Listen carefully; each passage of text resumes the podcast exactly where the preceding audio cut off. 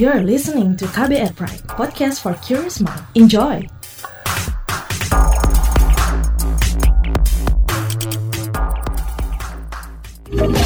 Kamu lagi dengerin What's Trending KBR Pagi. Ketemu lagi dengan saya Don Brady di What's Trending KBR pagi di hari Selasa 30 Juni 2020. Pagi ini kita bakal ngobrolin soal ancaman limbah infeksius COVID-19. Jadi, um, limbah medis seperti masker sekali pakai dan APD yang dipakai masyarakat luas perlu diolah dengan baik oleh fasilitas pelayanan kesehatan ataupun rumah tangga dengan ODP atau PDP. Menteri Lingkungan Hidup dan Kehutanan pun mengeluarkan surat edaran tentang pengelolaan limbah infeksius atau limbah B3 dan sampah rumah tangga dari penanganan coronavirus disease atau COVID-19. Selain menjabarkan penanganan limbah infeksius dari fasilitas layanan kesehatan, surat edaran itu juga menguraikan penanganan limbah yang berasal dari rumah tangga orang dalam pengawasan atau ODP. Ya, jadi kita nanti akan uh, mendengarkan pernyataan dari Direktur Pengelolaan Sampah Kementerian Lingkungan Hidup dan Kehutanan, Nov Rizal Tahar menjelaskan bagaimana sih limbah infeksius dari fasilitas layanan kesehatan ditangani selama masa pandemi COVID-19 ini. Sebelum kita dengarkan komentarnya, kita dengarkan dulu komentar dari netizen plus 62 soal ini, ya kan? Ini dia.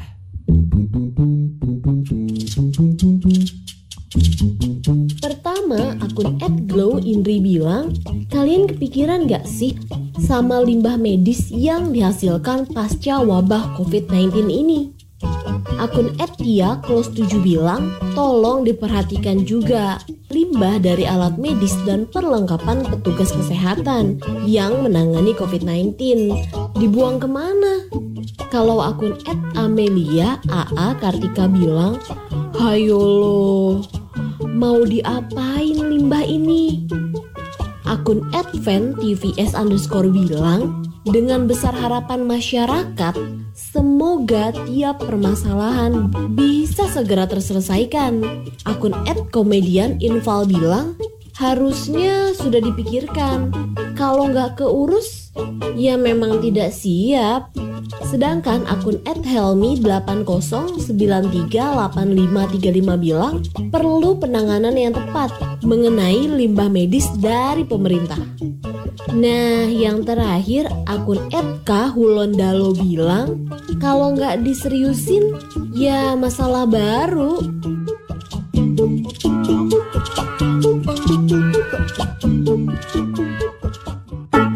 What's Trending KBR Pagi. Nah, seperti janji saya tadi, kita akan mendengarkan uh, penuturan Direktur Pengelolaan Sampah Kementerian Lingkungan Hidup dan Kehutanan atau KLHK Nofrizal Tahar yang menjelaskan bagaimana limbah infeksius dari fasilitas layanan kesehatan ditangani selama uh, masa pandemi COVID-19 ini ya. Ini dia penuturannya dalam webinar sosialisasi penanganan limbah B3 infeksius COVID-19. Kita dengarkan. Pertama adalah limbah medis atau limbah infeksius COVID-19 yang berasal dari pasien kes, fasilitas pelayanan kesehatan bisa dari puskesmas, poliklinik, klinik, rumah sakit, rumah sakit daerah. Yang kedua adalah limbah medis atau limbah infeksius COVID-19 yang berasal dari pasien-pasien yang ODP yang dirawat secara isolasi mandiri di rumah. Yang ketiga terminologinya adalah sampah rumah tangga. Jadi kalau kita lihat dari jenisnya itu cuma dua sebenarnya yang diatur, limbah medis dan sampah rumah tangga. Jadi sebenarnya kalau limbah medis berdasarkan regulasinya aturannya memang ini siklusnya semua tertutup karena limbah medis ini kan bagian dari limbah B3 mulai dihasilkan sampai dia nanti digrafkan itu harus siklusnya tertutup semua. Yang pertama adalah yang berasal dari fasilitas pelayanan medis. Nah, ini harusnya semua juga siklusnya tertutup. Jadi sampai ke ke insinerator ataupun dengan autoclave nanti itu juga semua tertutup harusnya. Sehingga memang yang menjadi persoalan memang selama sekarang ini muncul adalah karena tidak semua rumah sakit punya pengolahan sendiri atau tidak semua rumah sakit punya hubungan dengan service company. Nah, ini mungkin yang jadi persoalan selama ini begitu loh ya. Sehingga memang kita memastikan semua limbah medis COVID yang berasal dari Fasiankes itu jelas ke mana ujungnya. Kalau dia diolah dengan onsite di rumah sakitnya sendiri, dia di situ. Kalau dia menggunakan service company, menggunakan service company. Nggak ada yang harusnya tercecer. Karena kalau tercecer apalagi dibuang dengan sengaja itu konteksnya sudah menjadi pidana.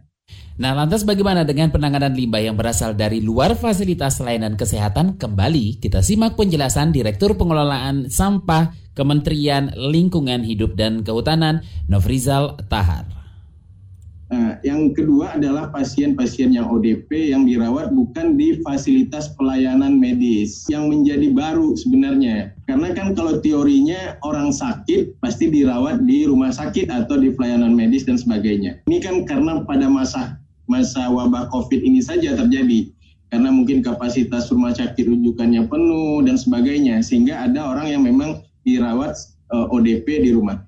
Ini juga kategorinya adalah limbah medis gitu loh. Sehingga memang di dalam surat edaran itu juga dipertegas bahwa bagaimana cara pembuangannya dan ada tanggung jawab dari dinas terkaitnya untuk mengumpulkannya dan ini diperlakukan secara sama dengan limbah medis. Yang ketiga adalah sampah rumah tangga. Jadi kalau orang sehat bukan orang sakit menggunakan masker itu terminologinya adalah sampah rumah tangga. Untuk memastikan bahwa sampah rumah tangga ini juga bisa kita pastikan memutus uh, jaringan penularan COVID dan sebagainya, karena kita nggak tahu juga orang tanpa gejala dan sebagainya. Tapi kan statusnya adalah orang sehat, sehingga di dalam edaran itu juga Ibu Menteri menyatakan yang pertama adalah semua petugas kebersihan, petugas pengumpul sampah, pegawai-pegawai bank sampah, penggiat persampahan itu harus menggunakan APD yang lengkap. Oke, itu dia tadi penuturan dari Direktur Pengelolaan Sampah Kementerian Lingkungan Hidup dan Kehutanan Nofrizal Tahars dalam webinar Sosialisasi Penanganan Limbah B3 Infeksius COVID-19. Nah, Asian Development Bank itu memprediksikan peningkatan 12 ribu ton limbah medis dalam kurun dua bulan di Jakarta pada masa pandemi ini. Nah, untuk mengetahui seperti apa penanganan limbah infeksius COVID-19 rumah tangga di DKI Jakarta, kita tanyakan langsung kepada Kepala Pengendalian Kebersihan uh, Dinas Lingkungan Hidup DKI Jakarta, Edi Mulyanto. Pak Edi, upaya pengelolaan sampah dan pengendaliannya oleh dinas seperti apa ini Pak? Kalau kami itu penanganannya dari rumah tangga ya, pasca penanganan untuk penanganan uh, pandemi COVID ini memang diserahkan ininya kepada penanganannya kepada Pemda Pemda ini dalam arti mungkin dinas LK yang kita ininya ya. Jadi dengan dasar itu kemudian kepala dinas kami mengeluarkan instruksi nomor 40 tahun 2020 ya untuk menindaklanjuti dari SE dari Kementerian KLHK tadi. Kemudian kepala dinas kami juga membuat surat edaran untuk penanganan limbah-limbah medis yang bersumber dari rumah tangga tadi, termasuk kewaspadaan situasi untuk penanganan COVID ini. Jadi kami ini mempunyai beberapa sapel di kecamatan ya. Jadi kecamatan itu ada petugas LH yang ada di situ ya di tiap kecamatan. Kami juga punya uh, TPS TPS B3 dan kami juga punya satuan pelaksana yang terdiri dari adanya mungkin PJLP PJLP kita yang tidak segan-segannya dan tidak berhentinya terus menangani ini, menyampaikan kepada masyarakat untuk melakukan pemilahan sampahnya di rumah tangganya, terutama untuk limbah-limbah infeksius yang sekarang ini mungkin yang sering dipakai oleh warga itu limbah masker, limbah sarung tangan ya, dan mungkin baju hazmat yang yang langsung dipakai habis sekali pakai. Oke, seperti apa alurnya? Kami ini memang punya SOP di mana limbah-limbah infeksius atau eh, limbah-limbah rumah tangga yang dari pandemi COVID ini, masker, sarung tangan, dan hazmat, yang dari rumah tangga sumbernya, itu kita secara berjenjang menyampaikan mulai dari pihak kelurahan ke RW, ke rumah RT gitu kan, agar mereka memilah. Kemudian hasil pemilahannya ini itu dikumpulkan oleh petugas-petugas gerobak. Petugas gerobak itu adalah petugas-petugas yang diberikan insentif atau gaji bulanan oleh uh, pengurus RW. Nah, kalau di Jakarta jadi setiap RW itu atau RT itu punya petugas gerobak. petugas kerobak inilah yang setiap bulannya digaji oleh pengurus RW hasil dari iuran warga dan itulah yang digaji petugas gerobak inilah yang tugasnya mengumpulkan uh, di samping tugas rutinnya dia mengambil sampah-sampah organik dan anorganik Nah, di saat COVID-19 mewabah di DKI Jakarta, kami sudah menyampaikan ini kepada para lurah dan RW-nya untuk petugas gerobaknya ini di rumah tangganya juga sudah diinstruksikan untuk memilah. Ya karena memang mereka mungkin merasa ini baru tapi tetap ini kan juga bahaya. Yang tentunya seperti kita ketahui akan berdampak secara keseluruhan. Jadi SOP-nya itu gitu rumah tangga sudah dipilah kemudian dibawa petugas gerobak dan petugas kami ini yang dari Dinas LH baru menangani di lokasi-lokasi TPS. Baik, terima kasih Kepala Bidang Pengendalian Kebersihan Dinas Lingkungan Hidup DKI Jakarta, Edi Mulyanto. What's Trending KBR Pagi Oke, pagi ini kita lanjutkan ngobrolin soal ancaman limbah infeksius COVID-19.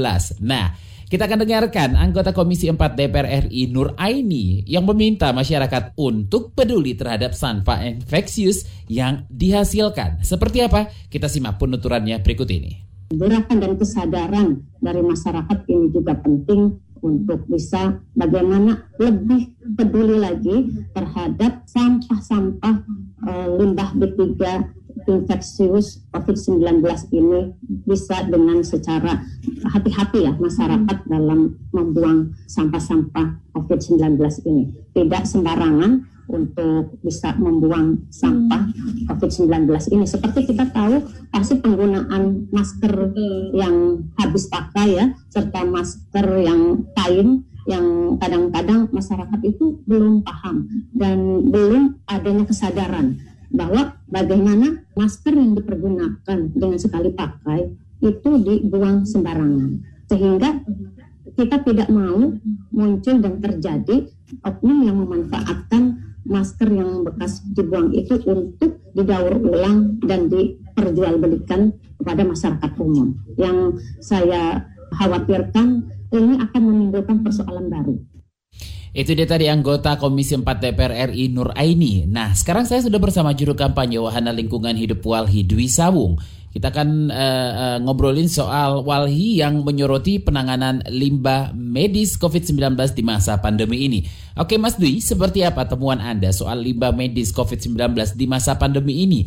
Apa yang harus diwaspadai? Limbah medis uh, COVID-19 ini ada dua ya, ada masalah yang di rumah sakit dan di yang rumah tangga. Kalau yang di rumah sakit, pemisahan dan pemilahannya terutama untuk daerah-daerah yang di luar Pulau Jawa banyak terdapat kelemahan-kelemahan. Kalau di Pulau Jawa biasanya dia ke pihak ketiga. Nah, pihak ketiga ini uh, ada yang membuang dengan benar, ada yang enggak ya. Dan ini bisa mengakibatkan sebenarnya penularan juga di kepada yang pengangkutannya. Nah, kalau yang di rumah uh, ini bisa juga uh, terjadi sebenarnya penularan kepada petugas-petugas pengangkutnya.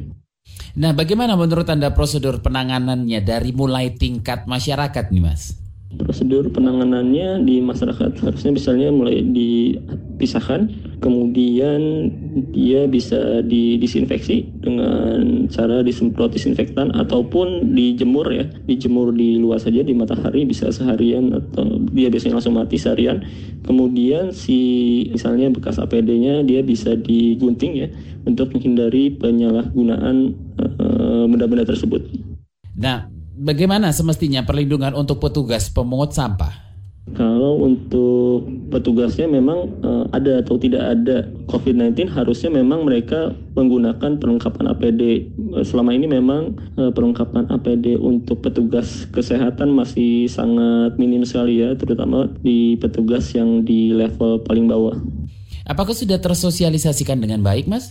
Pemerintah sudah mengeluarkan uh, bagaimana mengelola limbah ini, tapi memang uh, banyak terfokus pada fasilitas kesehatan ya terhadap mereka yang melakukan isolasi mandiri ataupun masyarakat umum biasa yang menggunakan masker belum ada panduan bagaimana uh, memisahkan uh, mengolahnya secara mandiri dan menyalurkannya ke mana.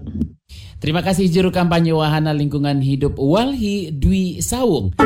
What's Trending KBR Pagi. Tentunya saya Don Brady harus pamitan, ya kan? Dan uh, ya kalau Anda tidak sempat mendengarkan obrolan kita pagi ini soal ancaman limbah infeksius COVID-19, silakan Anda mendengarkannya kembali di kbrprime.id lalu pilih podcast What's Trending di sana atau di aplikasi podcast lainnya ya ada di Spotify, Google Podcast dan juga di Anchor.fm. Pokoknya macam-macam lah ya di mana yang uh, Anda biasa mendengarkan podcast. Oke. Okay?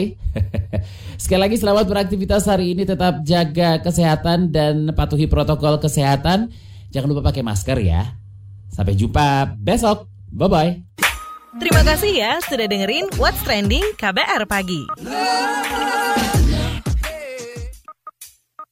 KBR Prime, cara asik mendengar berita. KBR Prime, podcast for curious mind.